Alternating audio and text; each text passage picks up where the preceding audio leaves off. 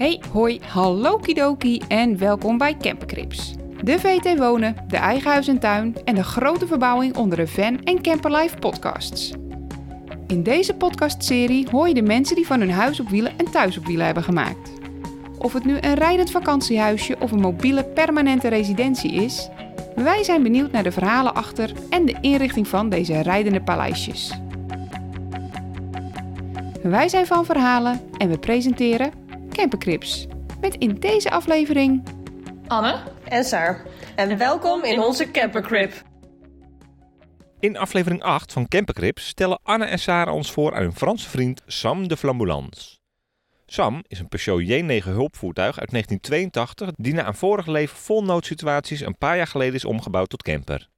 Het was liefde op het eerste gezicht tussen het stel en de knalrode ambulancecamper.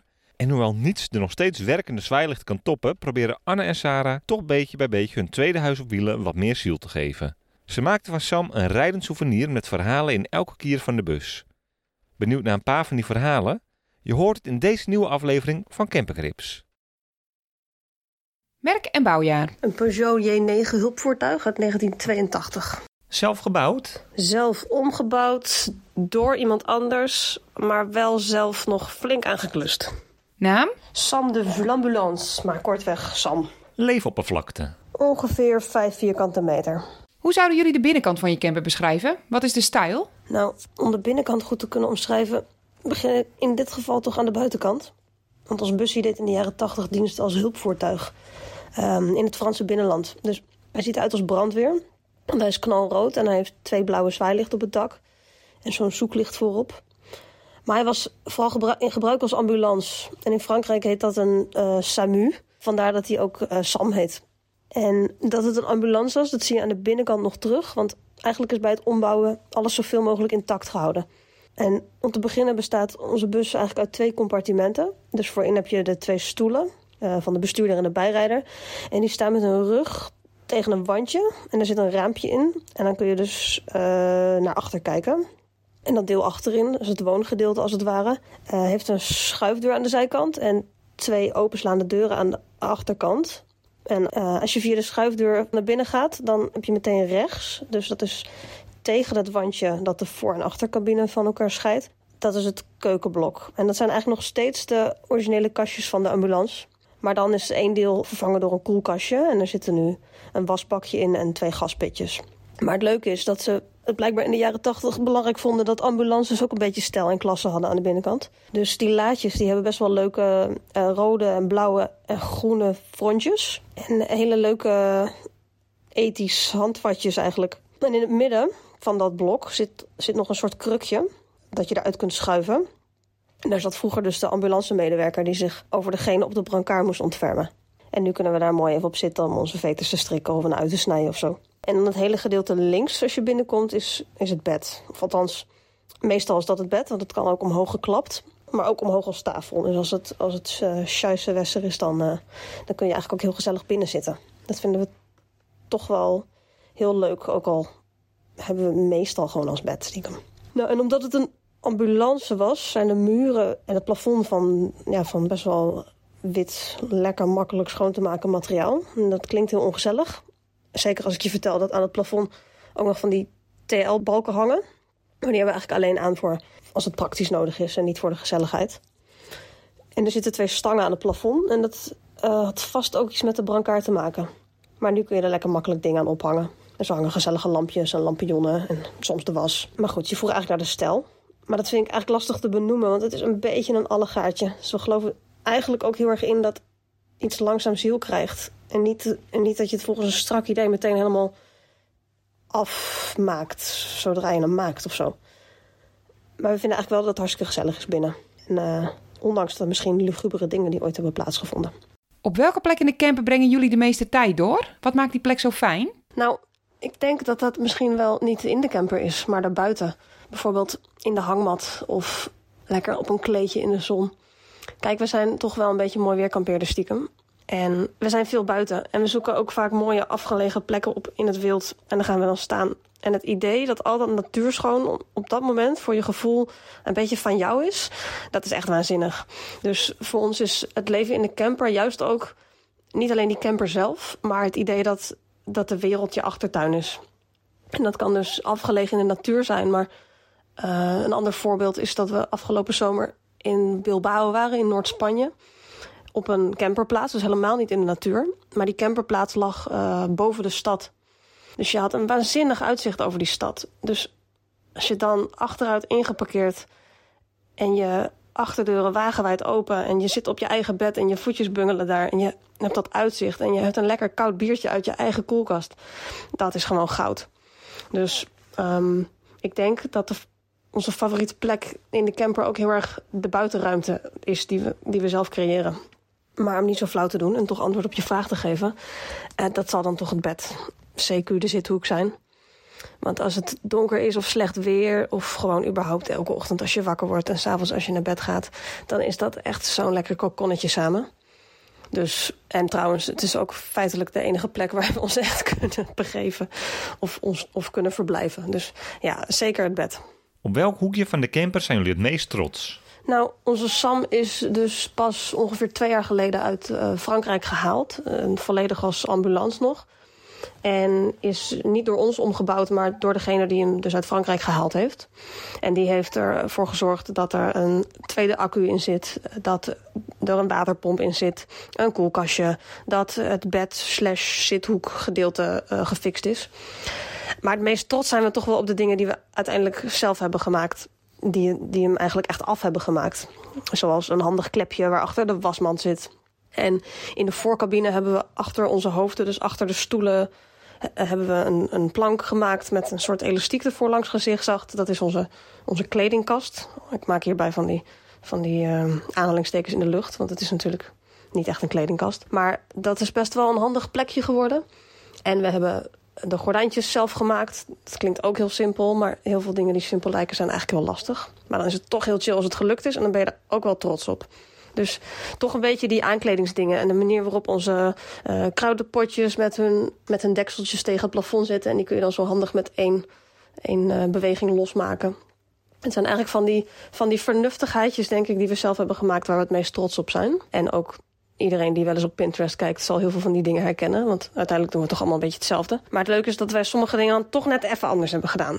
En een ander ding waar we toch stiekem wel een beetje trots op zijn, dat is dat uh, voorin bij de uh, bestuurdersstoel, daar hangt een soort apparaatje, een bedieningsapparaatje.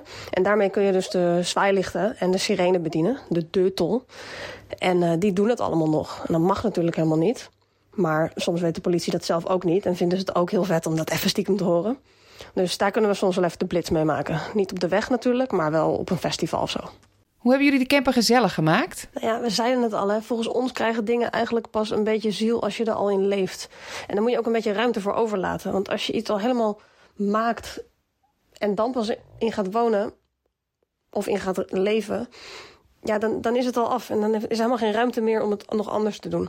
Dus eigenlijk is onze uh, camper langzaam, langzaam steeds gezelliger geworden. Dus je ziet eigenlijk ook onze reis erin terug. We hebben natuurlijk in het begin wel uh, gezellige gordijntjes opgehangen. We hebben een handig uh, rekje waar je een boek in kan zetten. We hebben een plantje. We hebben uh, van die, van die ja, priklampjes, zeg maar. Van die lampionnenlampjes langs het plafond. Dus we hadden de, de basis al gezellig gemaakt. Maar in de loop der tijd zijn er wel steeds meer dingen bijgekomen. Zoals um, een best wel vette, grafisch vormgegeven flyer... dat we daar niet mochten staan waar we overnacht hadden... en dat we weg moesten. Maar echt een soort van oude boekdrukletters flyer uit het jaar Kruik. Nou, die hangt nu als sierornament in onze bus. En een vette riso-print van een blik eten. En een aanzichtkaart waarop staat La pluie est belle. Nadat we een week regen hadden gehad. En een houten visje wat we hebben gekocht in een badplaats. Dus zo is eigenlijk onze bus steeds meer eigen geworden. En een, rijdende, een rijdend souvenir. En dat is eigenlijk heel gezellig. Oh ja, er ligt natuurlijk ook een persisch tapijtje op de grond. Want dat kan niet anders. Hebben bepaalde items die jullie gebruikt hebben voor de inrichting een bijzonder ja, verhaal? De zeep.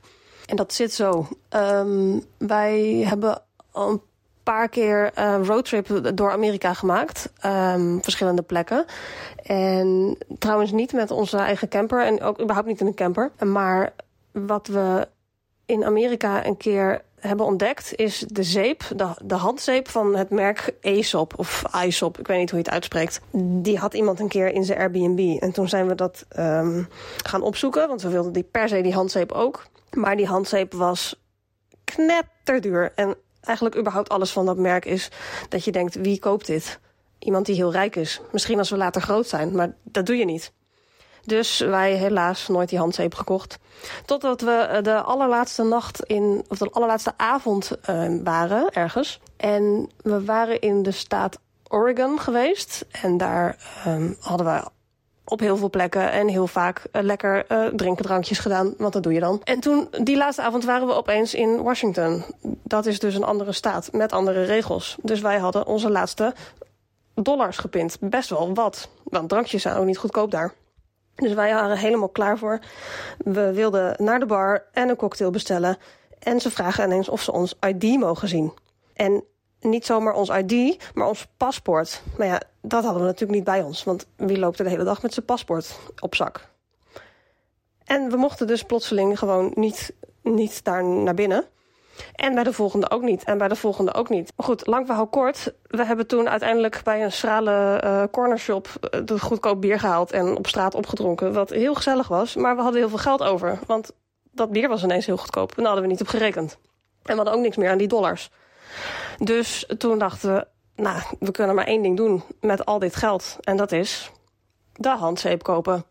Dus dat hebben we gedaan bij, uh, bij een hele luxe Aesop uh, flagshop, corner store, weet ik veel wat. Hebben we al onze dollars uitgegeven aan een fles handzeep van, ik durf het bijna niet te zeggen, 50 dollar. En toen hebben we wel bedacht, deze handzeep is heilig, die kunnen we echt niet zomaar gebruiken. Dus die gaat in de bus, een heel mooi leren riempje aan de muur vastgemaakt. En die gebruiken we heel zuinig. Maar elke dag ruiken we die handzeep en dan zijn we weer helemaal blij.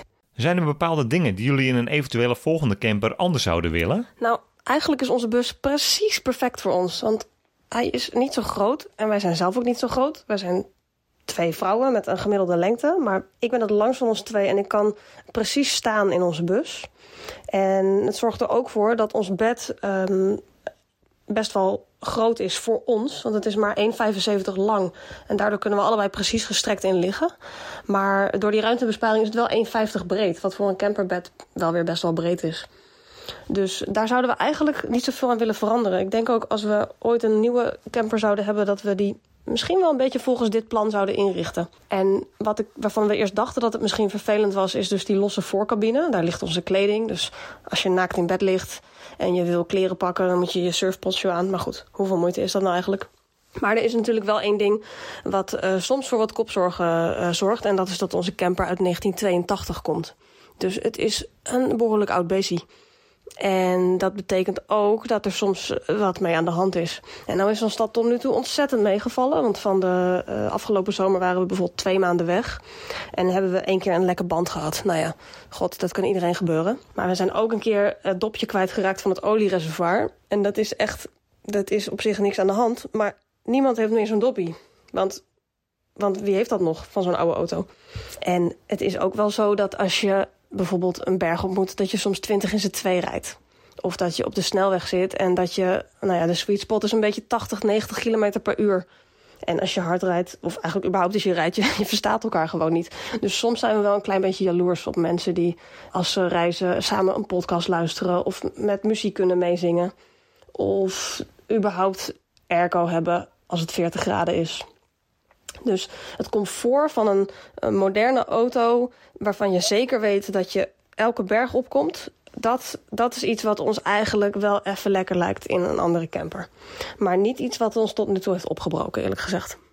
Wat is de allermooiste plek waar jullie camper ooit heeft gestaan? Oeh, één is net de revue al gepasseerd. Dat is uh, die met het waanzinnige uitzicht over Bilbao.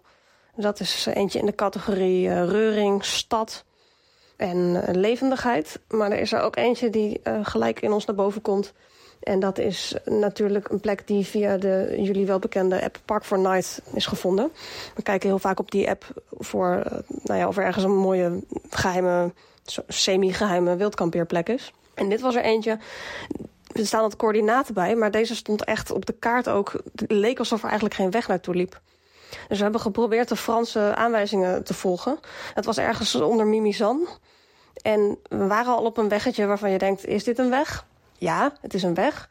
En vanaf die weg, het was een beetje die reclame van die TomTom, kennen jullie nog? Dat ze dan halverwege zeggen, hier rechts afslaan en dan rijdt hij die heg in. Nou, dat moesten we ook doen. En we kwamen op een pad. En we vroegen ons af of het eigenlijk wel een pad was. En dus een van ons is voorop gegaan eh, met een schaar om, om de bramen weg te klippen.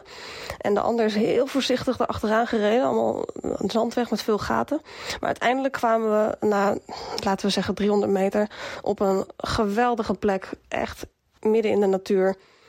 Met dennenbomen en een veld met varens. En we zaten daar helemaal alleen. En de zon ging onder. En we hebben gewoon onze tafel daar neergezet en uitgebreid gekookt. Het was zo stil en de sterren waren zo helder. En dat was echt dat was een momentje van puur geluk. Dus ik denk dat dat uh, misschien niet feitelijk de allermooiste plek was, maar misschien wel een van de allermooiste herinneringen. Wat is jullie spannendste, mooiste of grootste camperavontuur? Dat zal afgelopen zomer zijn geweest. Wat een groots en meeslepend avontuur had moeten worden. En dat uiteindelijk ook geworden is, maar wel anders dan we in eerste instantie gedacht hadden. Want wij zouden gaan trouwen uh, deze zomer. En we zouden op onze bruiloft met loeiende sirenes eh, wegrijden, de wijde wereld tegemoet. Maakte niet uit hoe lang. Het zou helemaal te gek worden. Maar toen kwam corona om de hoek. En toen besloten we uh, de bruiloft uit te stellen. Want met de maatregelen die er waren, dat vonden we eigenlijk... op die manier wilden we, wilden we het eigenlijk niet. Dus, um, maar we hadden wel allebei al geregeld dat we weg konden. Dus we dachten, weet je wat, we gaan gewoon alsnog op onze honeymoon, dan maar zonder huwelijk. Dus wij hebben een uh, soort ongetrouwde uh, wittebroodsweken beleefd met elkaar op die paar vierkante meter. En we hebben ontdekt dat geluk daadwerkelijk in een klein hoekje zit. Want het hoeft niet ver te zijn, het hoeft niet extreem te zijn. We zijn alleen maar door Frankrijk en een beetje Noord-Spanje gereden. En we hebben het zo fijn gehad. En we hebben natuurlijk wel nagedacht over uh, of het verstandig was om in coronatijden uh, weg te gaan. Maar je zit toch eigenlijk in een soort uh, mobiele quarantaine-unit in die bus. Zeker als je veel in de natuur bent. En zeker in de steden waar we waren, waren ook maatregelen waar we ons overal netjes aan gehouden hebben. Dus het was best te doen. Ik denk wel dat het het perfecte window of opportunity was. Want toen wij in eind augustus, begin september weer terugreden, toen begon het inderdaad wel allemaal uh, wat heftiger te worden weer. Dus we zijn blij dat we gegaan zijn. En we hopen natuurlijk dat we volgend jaar nog eens even fijntjes kunnen overdoen. Waar zouden jullie het liefst nog een keer je kampement opslaan? Nou, het niet-reële, de sky is the limit antwoord hierop is Amerika. We zijn een beetje verliefd op Amerika. En als we onze eigen bus daar naartoe konden transporteren... en dan ook nog zoveel geld zouden hebben dat we ook nog steeds het ons kunnen permitteren om dan niet elke dag in die bus te slapen, maar ook eh, in de crappy motels en bij mensen logeren en in Airbnb's op vette plekken. Ja, dat zou echt een droom zijn. Dat zou echt te gek zijn. Maar nu iets haalbaarder. Uh, ik denk dat we het liefst toch uh, op plekken zijn waar de kust in de buurt is. Want we zijn een beetje verliefd op surfen. Dus als dat kan, dan dan zou dat heel fijn zijn. Rommelig of opgeruimd? Opgeruimd. En niemand die mij kent en dit hoort gelooft dit, maar, want ik ben stiekem best een beetje rommelig. Maar in een bus heeft dus alles een vaste plek. En dan moet het daar van mij ook liggen. En dat kan ook niet anders, want als je gaat rijden, dan gaat alles natuurlijk schuiven.